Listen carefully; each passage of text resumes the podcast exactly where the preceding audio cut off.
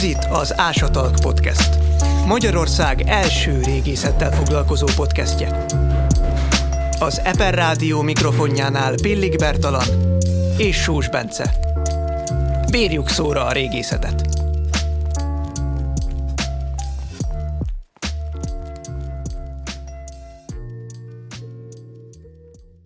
Köszönjük szépen, hogy bekapcsolódtok ebbe a beszélgetésbe.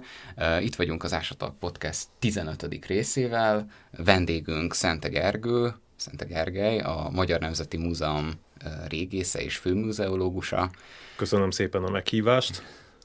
Köszönjük, hogy elfogadtad a meghívást, és köszönjük, hogy itt vagy és rendelkezésünkre állsz, és átadom a szót Bercinek, aki uh, már készült a kérdéssel. Játékkérdéssel, egy tippelős kérdés lesz. Ez nem ábrázolja jobban, hogy mennyire nem értek a, a mostani témához, ugyanis egy olyan kérdést hoztam, hogy az országos tűzédemi szabályzat szerint me- mekkora a maximum büntetés, amit ki lehet szabni az avarégetésért?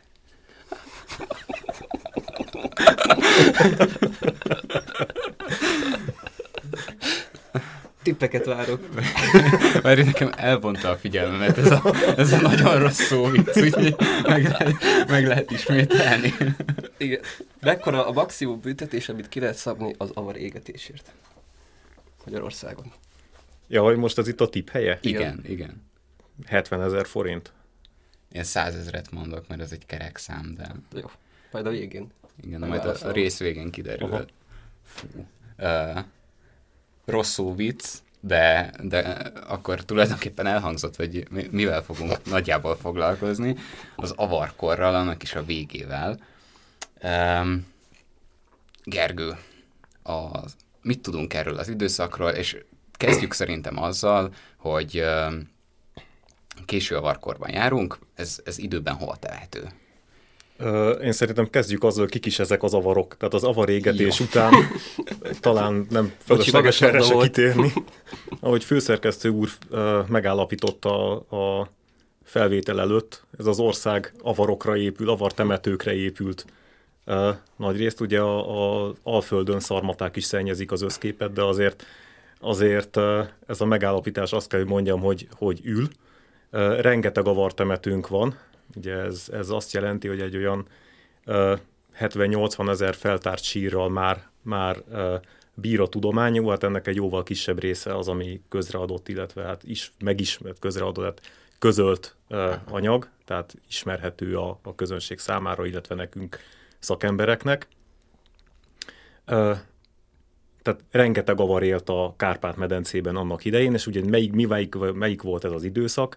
Ez a Krisztus utáni 6. század vége, ugye 568-ban érkeznek az avarok, 567-568-ban érkeznek az avarok a Kárpát-medencébe, és egészen a karoling hódításig, tehát körülbelül a 9. század elejéig áll fenn az avar kaganátusnak nevezett politikai alakulat, állam alakulat itt a Kárpát-medencében.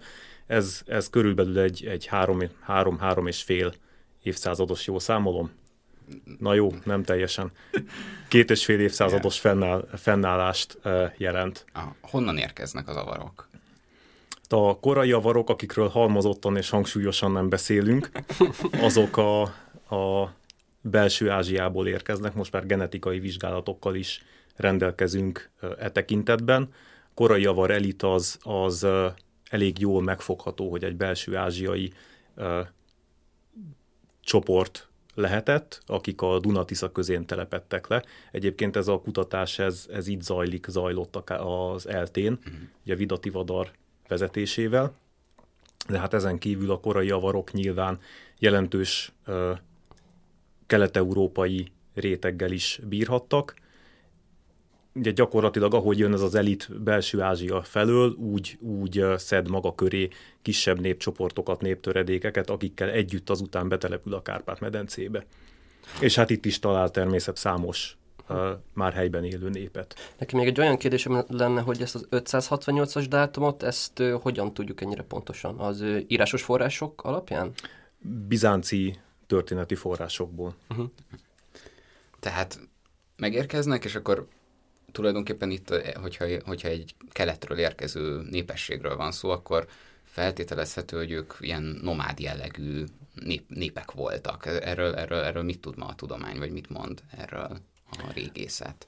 Amennyire a gazdaság, illetve gazdaságtörténet, illetve társadalomtörténeti kutatások erre a, a szegmensére a történelemnek adatot tudnak szolgáltatni, annak alapján igen. Tehát ez egyértelműen egy nomád népesség, katonailag rendkívül erős, hiszen ezek itt gyakorlatilag minden férfi, vagy minden szabad férfi fegyverviselő, katonáskodó is egyben, és tudjuk azt, hogy itt a korai avarkorban, amikor megérkeznek Baján Kagán vezetése alatt, ugye ez az egyetlen uralkodó, akit név ő az egyetlen uralkodó, akit név szerint ismerünk bizánci forrásokból. Amikor megérkeznek, azért lehet tudni, hogy ez a, az avar hadsereg, ez, ez gyakorlatilag egy, egy hát lényegében felülmúlhatatlan katonailag nagyon, tehát rendkívül erős katonailag a avar hadsereg, és hát ennek köszönhetőek a, a katonai sikerek Bizánc ellen, tehát olyan haditechnikával rendelkeznek, csatadöntő elemként nehéz páncélos lovasság, kengyel használat tömegesen, és hát ami nagyon fontos, ez a visszacsapó íjnak a használata, ami, ami nyilván ismert Bizáncban is, de, de ahogy a nehéz páncél meg a kengyel is nagyon gyorsan elterjed, illetve a kengyel nagyon gyorsan elterjed, és hát nyilván a nehéz páncélos lovasság is ismert, de, de ilyen tömegben és ennyire erősen a, az ekkora keleti fronton a perzsák ellen is harcoló bizánci hadsereg nem képes fölvenni velük a, a versenyt. Aha, tehát akkor van egy, van egy erős avar politikai um, konglomerátum itt a Kárpát-medencében, akik, akik ilyen kalandozásszerűen támadják, vagy tehát a magyar történelem, magyar korai történelemből ismert kalandozásokhoz hasonlóan támadják a, a bizánci birodalmat? Igen, ugye a, a bizánci forrásokból egyébként egészen hát így olvasni szórakoztató, bizánciaknak biztos kevésé volt szórakoztató képeink, meg, meg információink vannak ennek a korai javar időszaknak a hadjáratairól. Gyakorlatilag módszeresen feldúlják a, a számukra elérhető balkáni területeket. Ugye a városok elfoglalása, a Szirmium, meg, meg a mai Nis, Naissus, igen, a Szirmium a mai Száva Szendemeter város, városa. Módszeresen dúlják föl, foglalják el a városokat, pusztítják a vidéket, és, és egy-egy történetet is leírnak azért a, a történetírók, például amikor bevesznek az avarok egy várost, egyszerűen azzal a, a fogással, hogy olyan gyorsan ér oda az avarlovasság, hogy a mezőn dolgozó embereket érik kint a, a mezőn. Ugye ez feltételezi azt, hogy annyira gyorsan értek oda, hogy gyorsabbak voltak, mint a, a hír, mm. hogy jönnek, és, és egyszerűen még mielőtt idő lett volna becsukni a kapukat, az avarok bent voltak, és elfoglalták a várost. Ezzel szemben mondjuk Szirmiumot, ami, ami nagyon fontos birodalmi város a korszakban, többször is ostromolják, és, és végül alapvetően kiéheztetéssel veszik csak be. Uh-huh. Ugye ez a korai időszakban nincsenek felkészülve igazság szerint a várostromokra, annak ellenére, hogy tudjuk azt, hogy a sztyeppei nomád népek azok, azok igenis tudnak ostromolni, és vannak nagy ostromgépeik is. Itt ebben a korai időszakban az avaroknál ez nem, nem uh, volt még így, hát illetve nem is nagyon volt szüksége, szükségük rájuk, vagy ezekre a gépekre.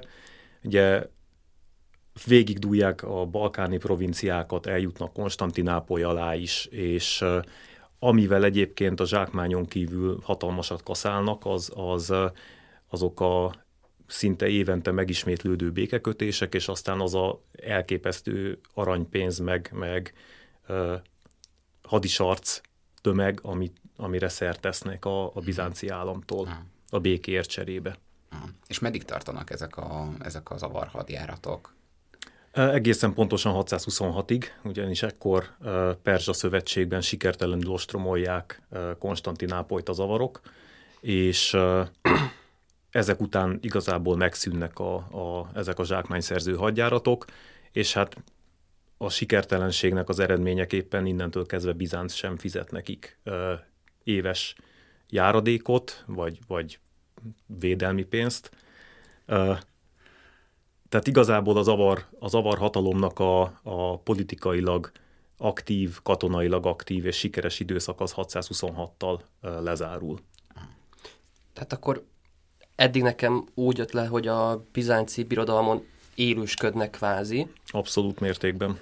És másokkal a, a környékről összerúgták a port, vagy velük inkább egy békésebb kapcsolatra törekedtek? A frankokkal a kezdet-kezdetén összerúgták a port, ugye ez még a, a Meroving dinasztiának az időszaka a frank földön, de velük messze is vannak azért a frankok, tehát velük elég gyorsan békét kötnek, és onnantól kezdve békés a, a kapcsolat. Olyannyira egyébként, hogy a régészeti leletekből nagyon jól látszik azt, hogy a, az, hogy a, a Duna mentén észak-nyugat felé az érem, egyszerűen a bizánci érmeknek az elterjedése amiket ugye az avarokba önt bele Bizánc, ezeknek az érmeknek egy kisebb része szépen áramlik fölfelé a Duna völgyben egészen a, a mai Németország területéig, Bajorország területéig.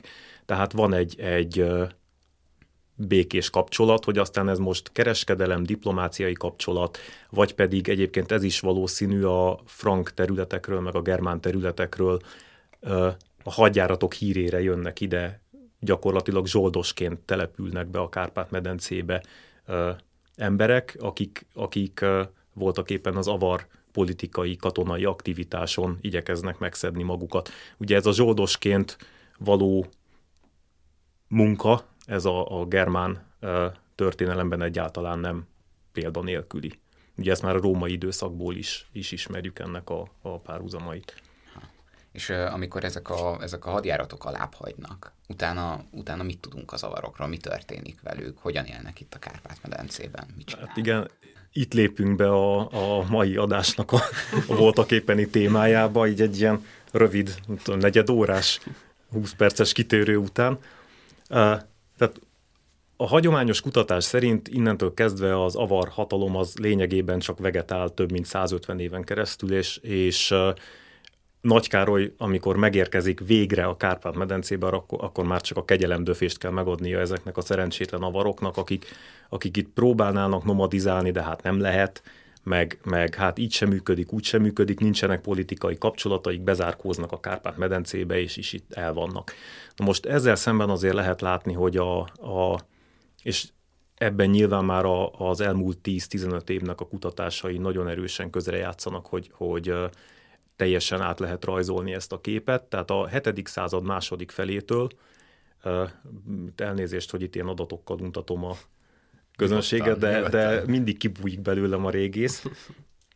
Tehát a 7. század második felétől teljesen átalakul a, egyébként a klíma is, meg a, a teljes európai környezet. És egyébként ez az, ami, egy, ami hihetetlenül érdekes a mai ember számára is, hogy egy, egy Ugye a korabizánci késő antik világ, a 6. század világ az, az szinte egy ilyen globalizált uh, világ volt, ahol elképesztő méretű kereskedelmi hálózatok működtek például a földközi tenger medencéjében.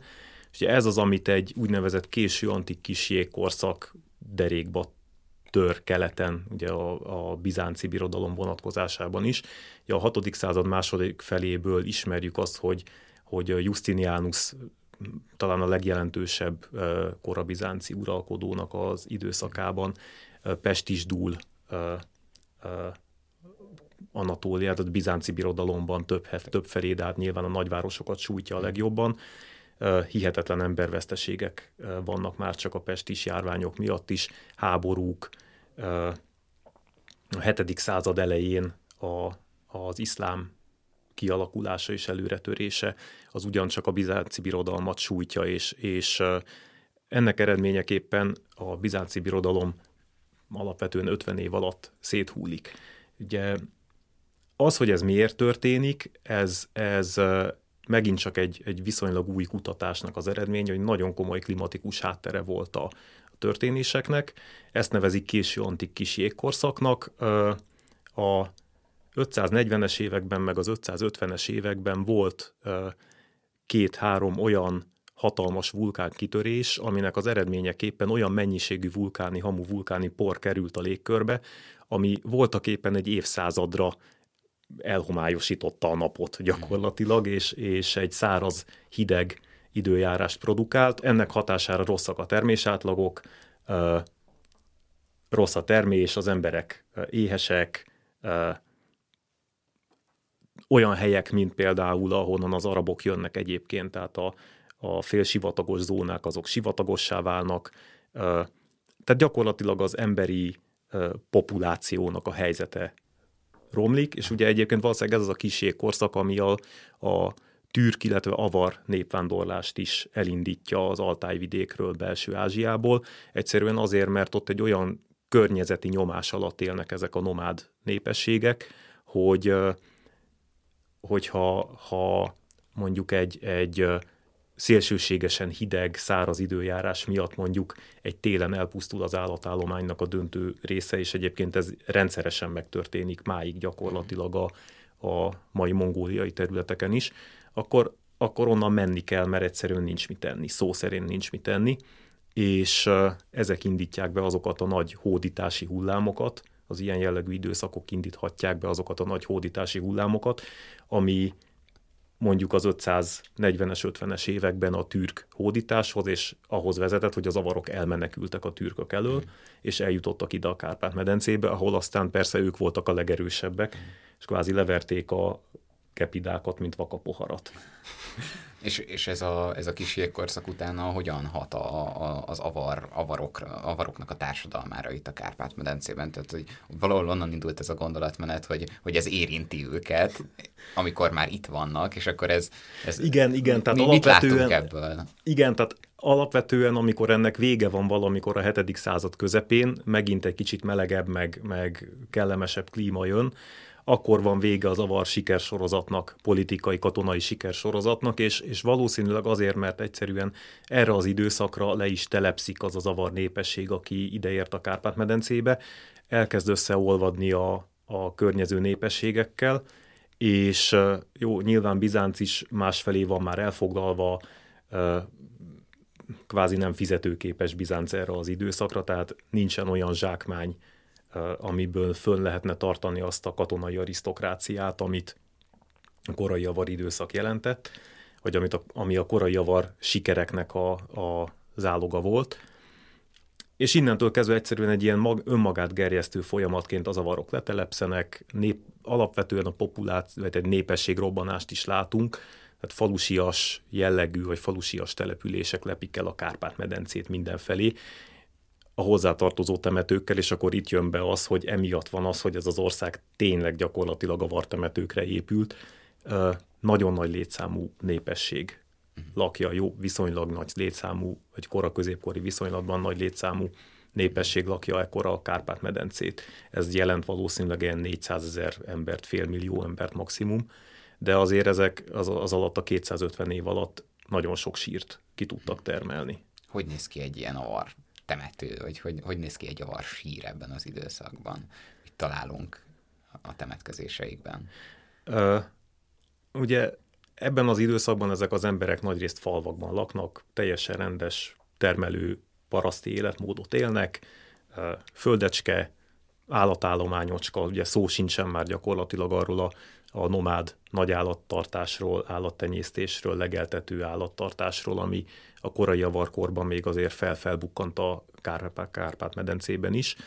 Próbálták terelni a, sz- a szarvasmarhát. Hát a meg a tyúkot, a tyúkot és a, a disznót, de hát az nehezen terelhető, és szedni kellett a tyúkok után a tojást. tehát, tehát ennek már vége erre az időszakra. Stabilan helyben lakó népességek, falusi népességeknek a temetőivel találkozunk, és hogy hogy néz ki egy átlagos sír, ugye a temető maga mondjuk a Dunántúlon nagyobbak a temetők, néha egyébként Zamárdi esetében ma talán 6000 sír is van benne, tehát azért ez egy eléggé jelentős méretű népesség. A Tiszavidéken, ahol mondjuk inkább magas partokon élnek az árterek között, ott, ott két-háromszáz síros temetőik vannak, de sűrűbben. Úgy néz ki egyébként, ez nagyon érdekes, hogy a falusi népesség gyakorlatilag megtarthatta a, nomád identitásnak, a nomád öntudatnak bizonyos részeit. Tehát a veretes öv, ami, ami a kora varkorban is nagyon fontos, az továbbra is viselik a férfiak. Temetőnként, minden temetőben vannak lovassírok. Mik ezek a lovassírok? Tehát gyakorlatilag a bizonyos férfiakat egy-egy ilyen falusi közösségben mellette hát egy hátaslóval temetnek el, ugye mellé fektetik, ez is egyébként egy érdekes kérdés, hogy most milyen típusú az a lovas temetkezés, hogy a férfi jobb oldalán vagy bal oldalán van a ló, külön gödörbe temetik a lovat, ugye ezek, ezek azok a dolgok, amiket a régészek elemezni tudnak. Látszik azért ebben a rendszerben az, hogy, hogy ennek, ezek az emberek megtartották valamilyen szinten Kelet-Európa, a sztyeppe felé is a, az élő kapcsolataikat, de azért, azért ők itt, itt szépen el voltak a Kárpát-medencében, éltek egymás között hallatlanul sűrű kapcsolatrendszert, kommunikációs hálózatot tartanak fönt, mint az avarkaganátuson belül, és ennek a, a politikai, társadalmi rendszernek a presztízs tárgyai, a, a hatalmat, meg a, a személy jelentőségét mutató tárgyai kerülnek a sírokba, ugye a veretes öv, egy-egy esetben fegyver, hangsúlyozottan keleti, tehát sztyeppei típusú fegyverek, szabják, így nyilak vannak a sírokban a férfiaknál. Érdekes egyébként, hogy, hogy minthogyha ez a, a nomád kulturális háttér, ez, ez kicsit átalakulna, meg, meg újra keverték volna. Tehát valószínűleg például a lovat, azt annyi ember kap egy, egy temetőben, meg, meg tudjuk keltezni ezeket a, a sírokat körülbelül 30 évre, hogy azt lehetne mondani, hogy mondjuk a, a falusi közösségnek az éppen aktuális vezetője kapja a lovat is a sírjába, meg a fegyvereket, a, abban a generációban a többi férfit csak veretesővel temetik, tehát az abszolút nomád az a falusi közösségnek a vezetője, ami mondjuk egy, egy humoros ö, jelenség lehetne így távolról nézve. A nőket pedig, pedig fülbevalókkal, karperecekkel, gyöngysorokkal, érdekes egyébként korszakra jellemző tárgy válogatással temetik. Uh-huh. És a letelepedett életmóddal jött olyan társadalmi változás, ami az elitnek a hatalmát megingatta? Tehát vannak, említettük Baján Kagánt, hogy vannak olyan sírok, ak- amiknél egy ilyen editre lehet gondolni? Hogy egy, hogy egy ilyen felső vezető van. Igen. Érdekes az, hogy a késő avarkorban a sírok szintjén lényegében eltűnik az elit. Tehát a korai avarkorban viszonylag sok olyan sírunk van, ahol, ahol uh, nagy mennyiségű nemesfém tárgyal temetik el a halottakat.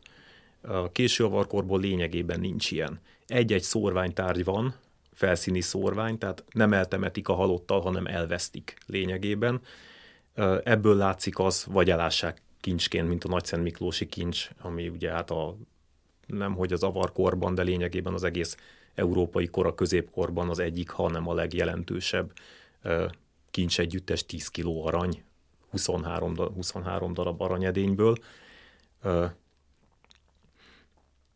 Tehát vannak aranytárgyaink, meg nemesfémtárgyaink, kiváló minőségűek, nagyon szépek, de sok egyébként itt a Nemzeti Múzeumban tekinthető meg, már amikor nem vagyunk zárva a járvány miatt, de, de nincsenek a sírokban, nem teszik a sírokba. Hogy ez miért nem történik meg, ez, ez egy jó kérdés, alapvetően már sokkal inkább egy ilyen társadalomtörténeti, vagy módszertani kérdés, valószínűleg azért, mert egyszerűen, ahogy a koralvarkorban a bizánci adókból a kezükre jutott aranyal egyszerűen nem tudtak mit kezdeni, tehát az arra volt való, hogy fölaggassák magukra, és aztán beletegyék a, a halottal a sírba.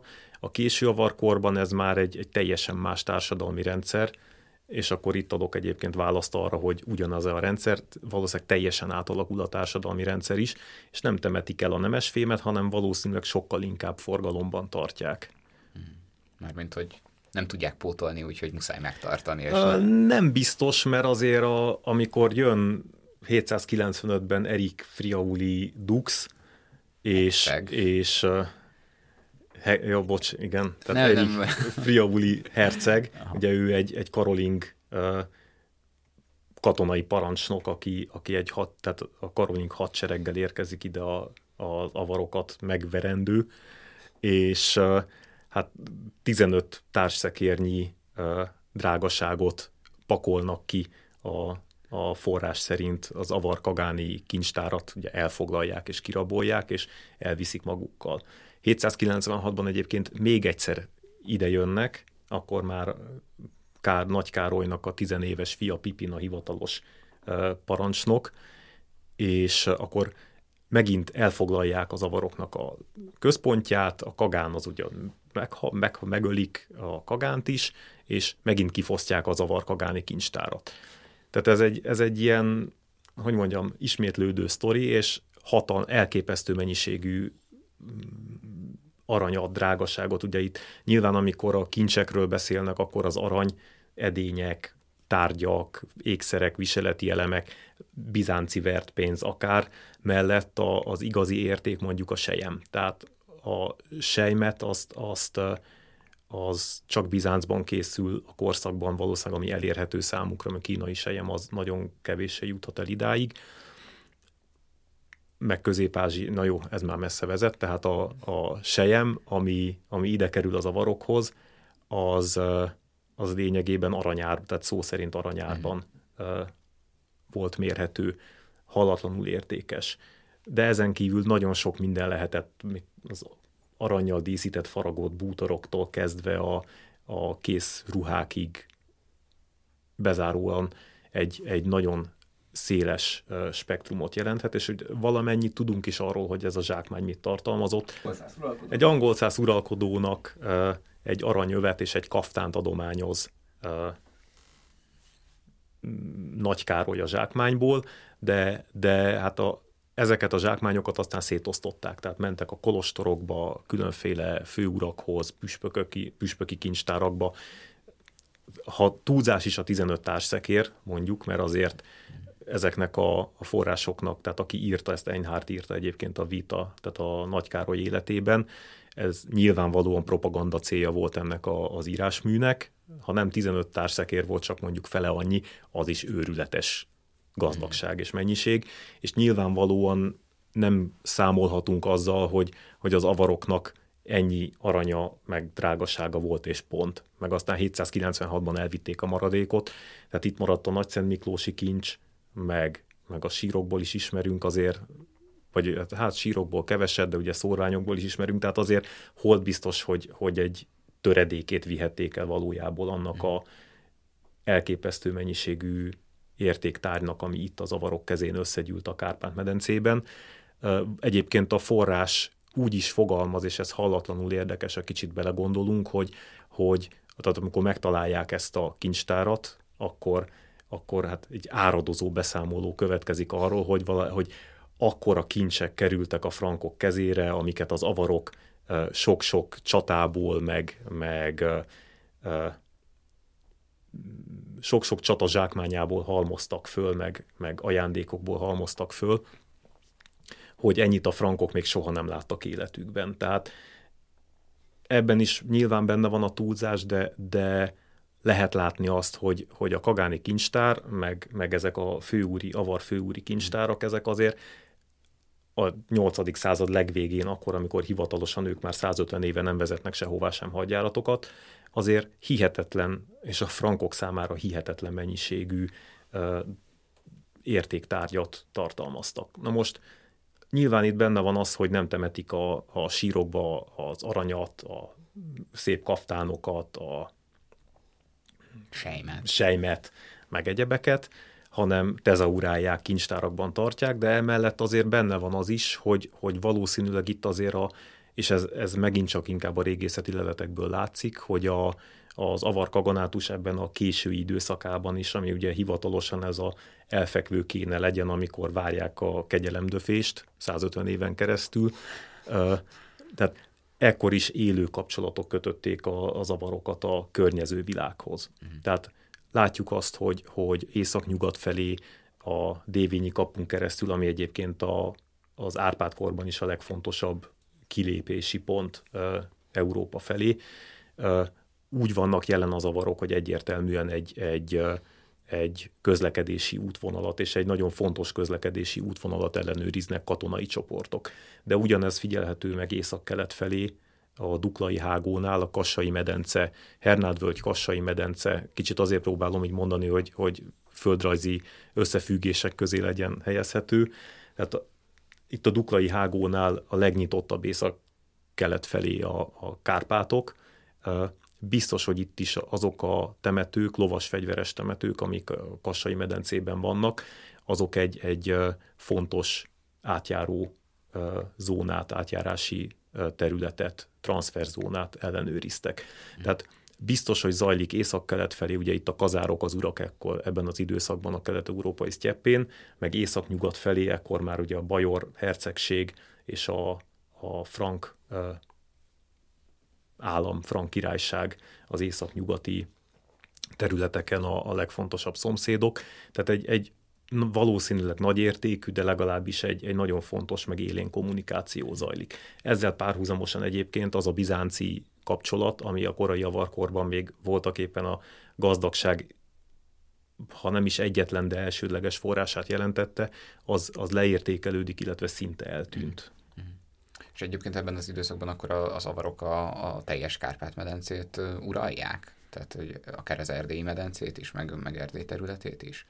Régészeti nyomok alapján a, a, az avar típusú avartemet, az avartemetők azok, azok nem csak a mai Magyarország területén, hanem a mai Szlovákia területén, felvidéken, Bécsi medencében, tehát Ausztriában, a Bécsi erdőig bezárólag, illetve délfelé a Drávaszáva közben Bácska, a Bánát területén végig vastagon be van telepítve, a, vagy betelepült a terület, és az erdélyi medencében is. Ugye itt a, a régész számára a probléma az, hogy, hogy főleg ez a déli terület, tehát a mai szerb és horvát, Szerbia és Horvátország területe, illetve a, a mai erdélyi területek, azok, azok igen kevéssé kutatottak. Tehát tudjuk, hogy ott vannak az avarok, ott vannak a temetőik, lényegében ugyanolyan temetőik temetőik, mint amik itt vannak a Kárpát-medencében, de, de alig ismerjük ezeket, meg nagyon kevés.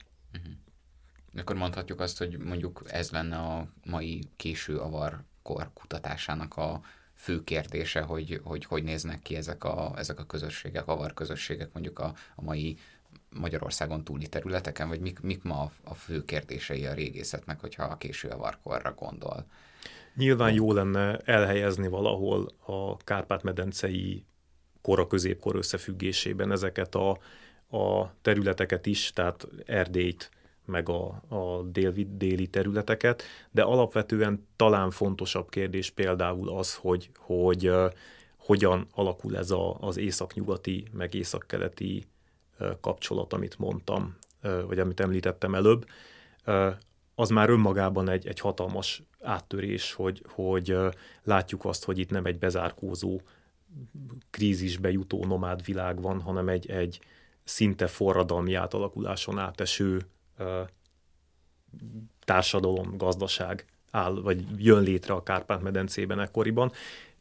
Az az érdekes, hogy ugye ez az átalakulás teljesen párhuzamos a Karoling nyugati karoling átalakulással. Tehát úgy tűnik, hogy a krízis meg a bezárkózás helyett sokkal inkább egy, egy a környező világgal folyamatos kapcsolatban álló, és hát ekkoriban jönnek létre azok a kora középkori, vagy ekkoriban jönnek létre azok a középkori rendszerek Európában, a környező világban, amik azután a javak középkoron keresztül lényegében máig vezetnek, ennek a gyökerei... Mire gondolsz, bocsi, csak hogy itt mire gondolsz, amikor ilyen, ezekre a kialakuló struktúrákra gondolsz?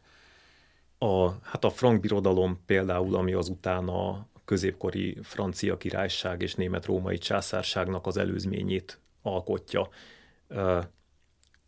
Kelet felé a kazárkaganátus, ami természetesen ugye hamarosan szétesik, de, de a, azok a városállamok, Kiev meg, meg a varég területek azok már ekkor formálódnak, amik a kelet-európai ugye a varég kereskedelmen, vagy rusz keres, tehát a norman kereskedőkön keresztül összekötik a Baltikumot Bizánccal, meg, meg a közel-keleti területekkel. Ezek a, a kereskedelmi kapcsolatok, ezek a hatalmi rendszerek már ekkor formálódni kezdenek, illetve hát Itáliában a Langobard állam, de hát a korszak végén hódítja meg Nagy Károly 774-ben Itáliát győzi le a langobárdokat, tehát lényegében azok a, a hatalmi viszonyok, amik azután több száz éven keresztül meghatározzák Európát, azok ebben az időszakban kezdenek kialakulni. És az, hogy ebben a Kárpát-medence részt vesz ebben a fejlődésben, az azért hihetetlenül érdekes, mert a, a, a kutatás eddig azt feltételezte, hogy amikor innen az avarkaganátus eltűnik, az gyakorlatilag egy teljes népességvesztést is jelent a Kárpát-medencében, hogy mi miatt ez ugye mindig kérdés volt, soha nem tudták pontosan meghatározni, hogy szárazság van és kipusztulnak az avarok, kipusztítják őket a karolink hadjáratok során, a szlávok hadjáratai miatt tűnnek el az avarok, menekülnek az avarok. Tehát itt nagyon sokféle feltételezés volt, de egyre jobban látszik az, hogy azok a, vagy az a rendszer, ami itt létrejön a 8. században, ugye a késő avarkorban, amiről beszélgetünk, az, az nagyon sok elemében, ugye maga a településrendszer, ahogyan kiterjed, az már lényegében a kora Árpád-kori településrendszernek az előzménye. A táplálkozás kultúra. Ugye ez, ez megint egy nagyon, nagyon kicsi pontnak tűnik, hogy hogyan eszünk és mit eszünk, de mondjuk amíg a nagymama főztje jelent valamit, és szerintem mindenkinek jelent valamit, hogy a, és azért a 20.-21. században élünk, amikor ezek nagyon, nagyon gyorsan változnak, bejöttek a kínai éttermek és a, a török gyors éttermek, és, és a táplálkozás is gyorsan alakul, és egyre egészségesebben eszünk, és egyre, egyre egészségesebb dolgokat mégis fontos az, hogy, hogy én mit tettem otthon gyermekkoromban, ez nyilván még hangsúlyozottabb volt egy alapvetően konzervatív időszakban. Tehát több száz éven keresztül folyamatos táplálkozás kultúrákat látunk, és alapvetően az a kerámia készlet, és az a táplál, valószínűleg az a táplálkozási kultúra, ugye az ízvilágról lényegében semmit nem tudunk, ami itt a 7. század végén, 8. században kialakul, alapvetően nagy valószínűséggel, illetve szinte biztosan kontinús vagy folyamatos az Árpádkor irányába. Egyszerűen az edény összetételeken, edény típusoknak a, a jellegein látszik. Mhm. De Bocs, csak hogy ez egy nagyon magas labda, de hogy, hogy a, az avarkor és a, a korai Árpádkor, vagy a magyar honfoglalás időszakát összeköti-e mondjuk más is. Mondjuk itt most, itt most szeretném feldobni ezt a labdát, hogy, hogy ma a régészet mit gondol a kettős honfoglalásról mondjuk. Igen, most az, hogy benne vagyunk a sűrűjében. Ugye én alapvetően... Voltam, mikor jöttünk. Tehát én alapvetően ezt, ezt sokkal inkább egy, egy gazdaságtörténeti, társadalomtörténeti problémaként fogom meg. Ugye a kettős honfoglalás az egyértelműen egy, egy politika történeti hódítástörténeti, kultúrtörténeti kérdés. Tehát amikor én azt mondom, hogy itt én folyamatosságot látok, akkor azt mondom, hogy a település hálózatban, a, a falusi temetők népességében, ahogyan őket temették, ahogyan ők ettek, ahogy, amilyen házakban laktak, ahogyan éltek ezek a, az emberek, abban egy nagyfokú folyamatosságot tudok megállapítani, és nyilván ebbe belefér az, hogy igen, a 9. század, ami egy, egy nagyon rossz időszak lehetett mindenkinek, aki a Kárpát-medencében lakott, hiszen háborúk vannak, nyilván, ahogy széthúlik egy politikai rendszer, úgy a, a ilyen kis királyok, kis uracskák emelkedhettek föl a Kárpát-medence több pontján, nyilván ezek egymással konfliktusba kerültek, akkor egymást is gyilkolázták, akkor nyilván soha nem a főnök gyilkolásza a másik főnököt, hanem viszi a saját embereit. Tehát, a, tehát itt feltételezhető az, hogy akár komoly népességvesztés is lehetett ebben az időszakban, sokan meghaltak, elmenekültek, elvándoroltak, és egyébként látszik is ennek a bizonytalan időszaknak a nyoma a régészeti anyagban például ahogy elszegényedik a régészeti anyag.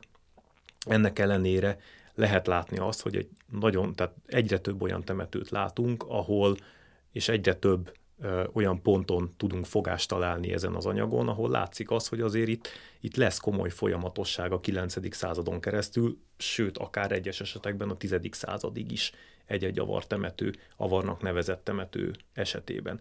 Ugye az, hogy itt most ezeket avartemetőnek nevezzük, vagy nem nevezzük avartemetőnek, ez egy nagy kérdés. Ugye maga az avar kaganátus, maga az etnikum, akiket avarnak nevezünk, azokat tényleg nyilván, ahogy a Nagy Károly megveri őket, és, és felbomlik a, a kaganátus, úgy az a, az az a tárgyi kultúra, ami az avaroknak az önazonosságát kifejezte, tehát például a, a fegyvertípusok, a veretes övek, a lovas temetkezések, egyebek, tehát ez a, a csúnya szóval, szakszóval presztis kultúra, ez valóban eltűnik ezekből a temetőkből, viszont ennek ellenére ott maradnak azok a sírok, amikben egy-egy gyöngyszem, vagy egész gyöngysorok, egy-egy fülbevaló, és általában egyébként a női, egyébként ez is érdekes, hogy inkább a női sírokban megfigyelhető a, a folyamatosság, illetve az, hogy ők, ők továbbra is ott élnek, ott temetik a halottaikat, és, és akár a magyar honfogáson túl is ott maradnak, és, és aztán nyilván innentől kezdve ezek az emberek egy idő után beolvadnak abba a, a következő lépésben már keresztényé váló magyar köznépbe, aki új településeken új temetőket nyit. Uh... Ja, és akkor a kettős honfoglalás. Ja, igen. Tehát a kérdés, hogy, hogy a kettős honfoglalással nekem az a problémám, hogy, hogy alapvetően egy, egy nemzeti romantikus uh, de bocs, csak hogy el tudod mondani, hogy nagyjából mik a fő vonalai ennek, a, ennek az elméletnek? Ja, bocs. Tehát ugye a kettős honfoglalás az egy, egy hát most már szá, tehát több mint egy, tehát egy szá, évszázadnál idősebb uh, feltételezés a 19. század végén vetette föl először egyébként Nagy Géza, aki azt mondta, hogy, hogy amikor ide a magyarok betelepülnek, akkor, akkor ők a helyben talált népességgel összeolvadnak és együtt alkotják a, a magyar népet. László Gyula ezen annyit csavart, hogy, hogy azt mondta, hogy nem csak, hogy, hogy amikor megérkeznek a magyarok, akkor már magyarul beszélő népességet találnak itt a Kárpát-medencében, hanem azt is mondta, hogy a, a újonnan betelepülő magyaroknak és a helyben talált avaroknak a település területei elkerülik, illetve kiegészítik egymást. Tehát ahol az avarok éltek, oda a magyarok nem települtek be. Na most ez ebben a formában ma már nagyon egyértelműen látszik, ugye egyszerűen a lelőhelyek számának a gyarapodásával nagyon jól látszik, hogy nem állja meg a helyét. Meg nyilván ez egy sokkal hogy mondjam, sokkal kevésbé romantikus kép. Egy, tehát amikor valaki, tehát amikor valaki hódít, akkor hódít. És ilyenkor a hódítás esetében, az árpádok esetében is az volt a lényeg, hogy, hogy éppen azokat a területeket kell a hatalmuk alá vonni, ahol a népesség lakik. Ugye, mint a szovjet érában, ebben az időszakban is a legfőbb érték az ember, hiszen ugye kevesen is vannak, és egyébként még a korárpád korban is, amikor, amikor egy oklevélben adományoznak egy birtokot, akkor ilyen nagyon fontos tétel az, hogy hány szolga családot adományoznak, hány ember van azon a birtokon. Ugye egyszerűen kevés az ember, és a termeléshez, meg hát az embert lehet adóztatni, meg, meg ő termeli a javakat, az élelmet, tehát igazából az ember az érték ebben a rendszerben. Ezért aztán biztos, hogy amikor Árpádék ide megérkeznek, akkor azokat a területeket veszik hatalmuk alá, vagy hatalmukba elsősorban, ahol, ahol nagyobb populációt találnak. Amikor megérkeznek, akkor ö, találkoznak valamilyen ellenállással, vagy végig rohannak az egész Kárpát-medencében? Kárpádék.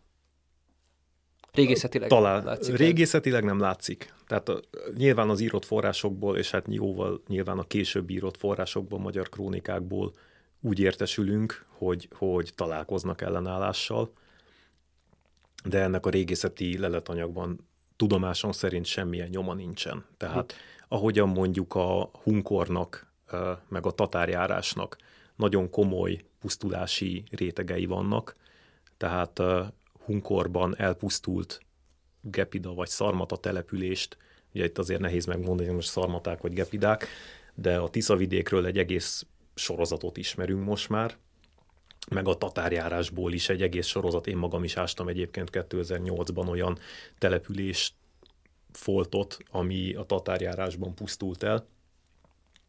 Gödörbe húz, egyébként kicsit sokkoló is, gödörbe húzott halottak, meg, meg leégett ház, meg tehát, tehát egyértelműen a, a pusztulásnak a képe, és nem csak az, hogy felgyulladt egy ház. Ugye ezt a régészetben nagyon sokszor keverik össze a, a kvázi véletlenszerű pusztulási horizontot, ami után van egy planírozási réteg mondjuk, felgyulladt egy ház, eloltották, eltakarították, ezt, ezt nagyon sokáig a régészek ö, szerették valamilyen katasztrófa katasztrófához vagy, vagy hadi eseményhez kapcsolni, de azért amikor, amikor mondjuk a tatárjárás idejéből egy ilyen horizontszerűen elpusztult településekkel és a településen gödrökbe húzott és kvázi félig meddig betakart, elhantolt halottakkal találkozunk, akkor azért ez teljesen más. Tehát érezni lehet, hogy itt igen, itt egy, egy masszív pusztulási horizont van, jöttek, elpusztították, felgyújtották, és utána aki túlélte és visszajött, az rendet rakott. Na most ilyennel az avarkor végéről ténylegesen nincsen uh, információnk. Visszatérve egy kicsit egy, egy, egy korábbi kérdésre, hogy akkor, akkor szerintem zárjuk ezzel, hogy, hogy, hogy manapság mi az, ami, ami, ami a magyar régészetet a legjobban izgatja, hogyha, hogyha, hogyha az avarkorra gondolunk? Tehát, hogy, hogy mi, az, a, mi, a, mi, mi, mi most az, ami pörgeti ezt a, ezt a, a tudományterületet? Igen, igen. Hát a késő avarkor viszonylatában leginkább az a kérdés, hogy mi történik a 9. században. Tehát ez nyilván már alapvetően nem avar probléma, hiszen ez már az avarok után van, tehát az avaroknak emiatt aztán már egyáltalán nem fájt a fejük, de a, az, hogy, hogy mi történt a helyben lakó népességgel, akiket persze nevezhetünk avarnak ebben az időszakban is, mennyien maradtak itt, hogyan éltek, mi történt velük, ez, ez talán a, a most leginkább kúrens téma. Alapvetően ez is az a téma, amelyikben leg, legtöbb új eredmény van, meg, meg, meg új eredmények várhatók. Tehát itt most, most tehát kicsit nevetséges egy, egy régészeti viszonylatban azt mondani, hogy forradalmi átalakuláson megy át a, a, a tudásunk, de, de tény az, hogy, hogy talán leginkább ez a 9. század az, ami, ami eddig nagyon ismeretlen volt, illetve nagyon sok kultúr, na jó, mondjuk azt, hogy nagyon sok egyéb elvárás határozta meg azt, hogy, hogy mit gondolhat a, a régészet, vagy a történettudomány, gondolva a, a 80-as évekig bezárólag működő elvárásra azzal a tekintetben, hogy itt szlávoknak kellett lenniük, vagy, vagy arra az elvárásra, hogy, hogy ami megint csak egy ilyen 20. századi kiindulás vagy gondolkodásmódból fakad, hogy ha az avarok megszűntek létezni, akkor mit csinál egy jó 20. századi tehát amikor a 20. században valaki megszűnt létezni népként, akkor ez nagy valószínűséggel a fizikai megsemmisülését is jelentette. Mm. És azért tehát ez, ez sajnos a 20. században egy eléggé jól beágyazott ö, ö, gondolat volt. Na most mostanában azért egyre inkább látszik, hogy, hogy azért a, a egészségesebb világokban korán sem volt ennyire kizárólagos a, az összekapcsolás. Tehát akkor, amikor mondjuk az avar elit megszűnik lét, vagy az avarok megszűnnek létezni, ez az elitnek a eltűnését, nyilván fizikai pusztulását két csatába ki lehet írtani egy egész uh, elitet, vagy, vagy egy vezető réteget, hogyha nincsen szerencséje, de alapvetően ez a szélesebb néprétegeket nem érintette, és ugye gyakorlatilag most azon megy a kutatás, hogy a nagy részt uh, már, már uh, modern természettudományos módszerek bevonásával együtt, hogy, hogy uh, hogyan éltek és kik élték túl ezt a, a 9. Mm. századi eléggé szerencsétlen vagy sötét időszakot, és aztán mi történik ezekkel az emberekkel a, a magyar honfoglalás után. Mm. És még egy, még egy, tényleg egy utolsó kérdés, hogy és amikor te leülsz dolgozni a Nemzeti Múzeumban, akkor te mivel foglalkozol, vagy mi a, mi, hogy tudod összefoglalni a te kutatási területedet? Most éppen egy HUN konferencia kötetet szerkeztek. Ja. Én reméltem, hogy De... mondasz valami jó menü ásatást, vagy nem tudom. De igen, egyébként hát most éppen ásatást szervezünk, ugye ez nyilván nagyrészt majd függ a, a vírus helyzettől, hogy nyáron hová lehet menni, de, de minden vágyam az, hogy, hogy eljussunk Erdélybe most nyáron Ispán lakára ásni, ahol van egy, egy szenzációsan érdekes temető, avartemető természetesen, meg, meg, meg hát együtt csináljuk a, a Bencével a késő avarkornak a hálózat elemzését, ami hogyha ezeknek a veretes öveknek a hálózat elemzését, ami egy nagyon modern és, és elképesztően trendi kutatás lesz, hogyha ha sikerül befejezzük. Egy kis ingyen reklám. ja. Jól van, jól van. Akkor most szerintem térjünk rá arra, hogy, hogy mennyi az annyi, mennyiért ne égessük, égessük az avart. 3 millió forint a maximum büntetés. Oké.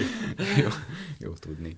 Uh, még egyébként gyorsan, még egyébként korrigálnám magamat, mert én azt mondtam, hogy ma Száva Szendemeter a, a szírmium, de nem, az Sremska Mitrovica, de csak hogy pontosak legyünk, ne, ne legyenek A Google ilyen... térképen egyébként Száva Szendemeterként ah, is megtalálod. Ne legyenek diplomáciai problémák ebben. Oké. Okay polkorrektség.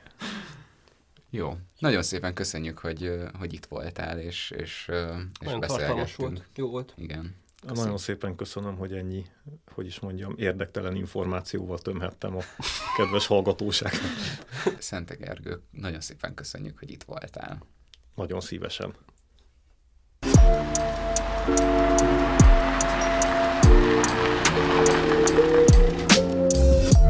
Ez volt az Ásatalk Podcast. Magyarország első régészettel foglalkozó podcastje. Az Eper Rádió mikrofonjánál Pillik Bertalan és Sós Bence bírta szóra a régészetet.